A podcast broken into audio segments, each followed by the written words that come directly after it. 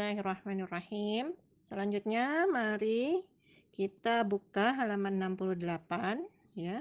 Karena tadi eh, halaman pertama diktat 3 sampai halaman 67 sudah diminta untuk dibaca lebih dulu ya sejak siang atau sore tadi. Di halaman 68 ada skema gambar telapak tangan dengan judul gambar analisa syaraf tangan. Jadi pemahamannya seperti ini. Peredaran darah kita berputar dipompa oleh jantung. Sedangkan syaraf itu pusatnya dari otak. Dari otak menuju ke seluruh tubuh manusia, seluruh anggota tubuh manusia, dari otak syaraf dialirkan ke seluruh organ tubuh manusia melalui jalan utama yang disebut dengan tulang belakang. Jadi, dari otak sebelum sampai ke seluruh anggota tubuh, dia pasti lewat jalan yang besar dulu. Ya, yaitu lewat tulang belakang. Di sanalah jalur syaraf besar yang kemudian bercabang-cabang di setiap ruas tulang belakang. Jadi mulai dari leher itu sudah ada ruas pertama. Syaraf yang mengurusi organ-organ yang di sekitar leher. Ya, yang di sekitar kepala dan leher. Yang mengurusi mata, yang mengurusi lidah sehingga lidah kita mempunyai uh, kemampuan untuk merasa rasa asam, rasa manis, rasa asin, rasa pahit itu berkat adanya syaraf. Bila ada orang yang lidahnya sudah tidak merasa, yang tidak bisa merasakan lagi atau terganggu atau berkurang, maka tanda syaraf pengecapnya sudah ada gangguan. Nah, sekarang lagi pandemi ya. Uh, ada salah satu tanda seseorang e, terpapar yaitu bila penciumannya sudah tidak bisa merasakan. Ya, jadi e, rasanya oksigen itu sudah sama sekali tidak ada rasanya. Nah, itu berarti syaraf penciumannya yang terganggu, ya. Nah, terus ke bawah ada dada di sekitar di leher ya, di setelah leher turun torak, daerah dada, ya di belakang dia tapi dia mengurusi organ-organ yang ada di daerah dada. Berarti di sana ada jantung ada paru ada tulang-tulang rangka e, belikat ya e, dan sebagainya ya. Kemudian turun lagi torak itu tuh cukup banyak ya. Terbagi beberapa buah dari torak 1 sampai torak 13 kalau tidak salah. Kemudian masuk ke lumbar. Lumbar itu mulai dari pinggang menuju ke ekor. Menuju ke ekor itu ada lima tulang lumbar, lumbar satu sampai lumbar lima. Setelah itu paling ujung ada coccyx atau tulang ekor. Di sana ada syaraf yang mengurusi yang paling ujung. Jadi untuk kemampuan kita duduk, kalau terduduk eh, kursi yang di, di teras misalnya ya atau di lapangan gitu ya yang habis kena matahari terus eh, di sekitar bokong kita terasa panas yang kita duduki berarti itu syarafnya yang menandai yang bisa menanda bahwa itu rasa panas. Kalau kita duduk di tembok yang dingin atau terduduk sesuatu yang basah bisa merasakan itu basah, maka itu karena adanya syaraf ya, perasa yang ada di sekitar bokong kita. Jadi semua organ kita ini syarafnya dari otak dikirim menuju seluruh organ tubuh sampai ke kulit juga ya seluruh kulit melalui syaraf tulang belakang. Nah, syaraf ini berjalan sampai ke ujung-ujung. Ujung yang terjauh adalah ujung jari tangan. Ujung yang terjauh adalah ujung jari tangan, baik tangan kiri maupun tangan kanan, dan ujung jari kaki kiri maupun kaki kanan. Nah, karena itulah apa yang terjadi di organ yang mengalami persyarafan ketika ada gangguan, dia terdeteksi sampai ke ujung, menimbulkan, eee, tanda mem me me apa, memberi tanda ya yang ada di ujung-ujung, yaitu di telapak tangan. Ya, di telapak kaki juga ada, tapi karena jari-jari telapak kaki lebih pendek daripada jari telapak tangan, dan telapak kaki juga bagi wanita adalah aurat, maka kita tidak belajar menganalisa lewat telapak kaki, ya. Nah, kita lewat telapak tangan saja, karena yang wanita boleh melihat telapak tangan yang pria, yang pria boleh mendiagnosa telapak tangan, wanita walaupun bukan mahram, ya. Selama dia ditemani oleh mahramnya atau ada beberapa temannya, boleh dianalisa, didiagnosa, diamati, yang penting jangan disentuh, gitu ya. Selanjutnya kita lihat diagram ini mulai dari yang gambar jempol. Di gambar jempol ini di bagian bawahnya ada tulisan kehijauan, dalam kurung paru-paru atau pernapasan pernafasan. Ya, jadi tanda warnanya hijau berupa urat-urat yang letaknya terlihat timbul di telapak tangan yang bagian di bawah ibu jari. Itu kita sebut selanjutnya adalah perut ibu jari. Disepakati aja ya. Kemudian di atasnya lagi ada tulisan bintik-bintik putih dalam kurung angin dan darah tidak seimbang. Garis bintik-bintik putih itu menunjuk ke arah tengah telapak tangan, ya, tapi juga dia bisa ada muncul di jari-jari. Jadi se se seluruh bagian dari telapak bisa muncul bintik-bintik putih. Kemudian di atasnya lagi, kita belum membahas apa arti dari tanda-tanda tersebut ya, kita baru mengenal dulu, eee, apa saja yang akan kita lihat nantinya ya. Kemudian di atasnya lagi ada tulisan kehitaman dalam kurung karbon sembelit ya dan garisnya menunjuk ke garis lekukan jari. Ini juga termasuk garis yang ada di lekukan tengah telapak tangan, badan telapak tangan ya, yang kalau kita menggenggam, akan menggenggam itu dia saling, eee, berlipat-lipat. Ya, akan membentuk lipatan-lipatan. Nah, itu yang, eee, warna kehitaman bisa muncul di sana. Kemudian di atasnya lagi ada tulisan syaraf usus ya, me menunjuknya ke ruas. Jadi nanti di sana itu yang dibahas adalah masalah bengkoknya ya. Jadi kalau ada kebengkokan itu terkait sama syaraf usus. Nanti kita bahas lebih jauh lagi. Terus ke arah jari tengah, di sana ada tulisan syaraf pembungkus jantung. Jadi hal-hal yang terkait dengan syaraf pembungkus jantung bisa dideteksi lewat kondisi dari ruas ja ruas jari di jari tengah.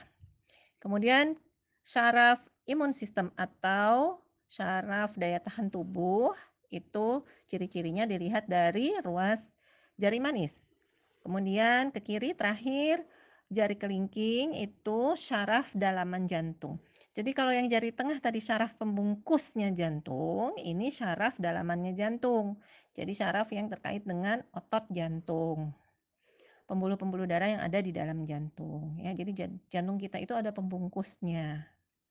Jadi antara pembungkus dan dalamannya udah beda jarinya ya.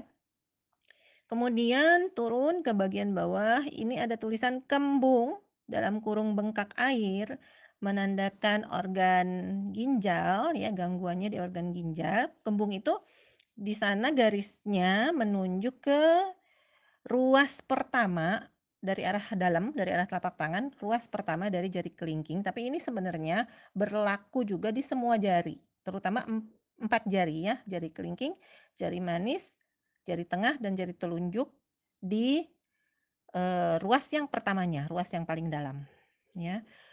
Lalu di bawah ada tulisan di bawah kembung ada tulisan cekung. Itu garisnya menunjuk ke bagian persis di tengah-tengah telapak tangan. Ini juga berkaitan dengan gangguan syaraf ya. Jadi telapak tangannya itu eee, sangat dalam, ya memang kita berlekuk ya, telapak ba badan telapak tangan kita bagian tengah itu. Kalau tidak berlekuk ya susah menggenggamnya nanti gitu kan ya. Tapi ada orang yang benar-benar berlopak istilahnya ya, menekuk sampai dalam keadaan telapak tangannya dikembangkan pun, dibuka, itu dia seperti mangkok, eee, mangkok agak dalam gitu ya. Baik, nanti kita lihat satu persatu. Sekarang silahkan keluarkan fotokopi satu lembar saja yang tadi sudah saya minta isi dengan data nama, data-data pribadi ya. Form nomor urut 01. Nama Anda sendiri. Jadi kita akan praktek langsung menggunakan badan, kondisi telapak tangan diri sendiri sebagai workshop atau praktek yang pertama. Ini tidak tidak karena kelas kita ini online, dalam kondisi kelas offline pun pasti latihan pertamanya adalah telapak tangan masing-masing peserta melihat telapak tangannya sendiri ya, langsung praktek. Namun sebelum kita praktek, mari kita dengarkan dulu uraian dari rekaman suara Umi Sabil beberapa ya, ada beberapa rekaman suara berikut ini. Mendiagnosa tubuh itu itu banyak hal yang nanti akan dibedah dalam diktat KHT itu lima jenisnya. Ada bentuk nyatanya jawab, ada materinya nanti, kemudian ada five guide, ada juga materinya nanti, diagnosa telapak tangan, ada pandangan mata dan suara, dan penentuan yin dan yang. Semua nanti akan dikupas, nah, tapi yang akan saya mulai duluan ini uh, tentu dari dasarnya dulu, yang paling sebenarnya paling mudah ya, yaitu telapak tangan.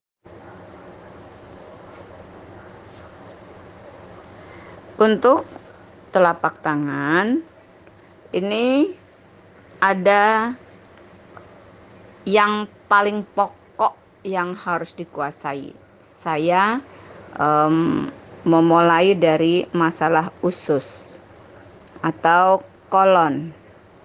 Nah, masalah usus sebagaimana sudah kita sering dengar, sehat dan sakitnya tubuh tergantung kondisi usus. Kalau banyak eh, penyakit, banyak kotoran di dalam usus, nanti akan banyak penyakit pula di tubuh kita. Nah, salah satu masalah yang paling mendasar di daerah usus yaitu sembelit atau konstipasi atau yang disebut dengan susah buang air besar ya.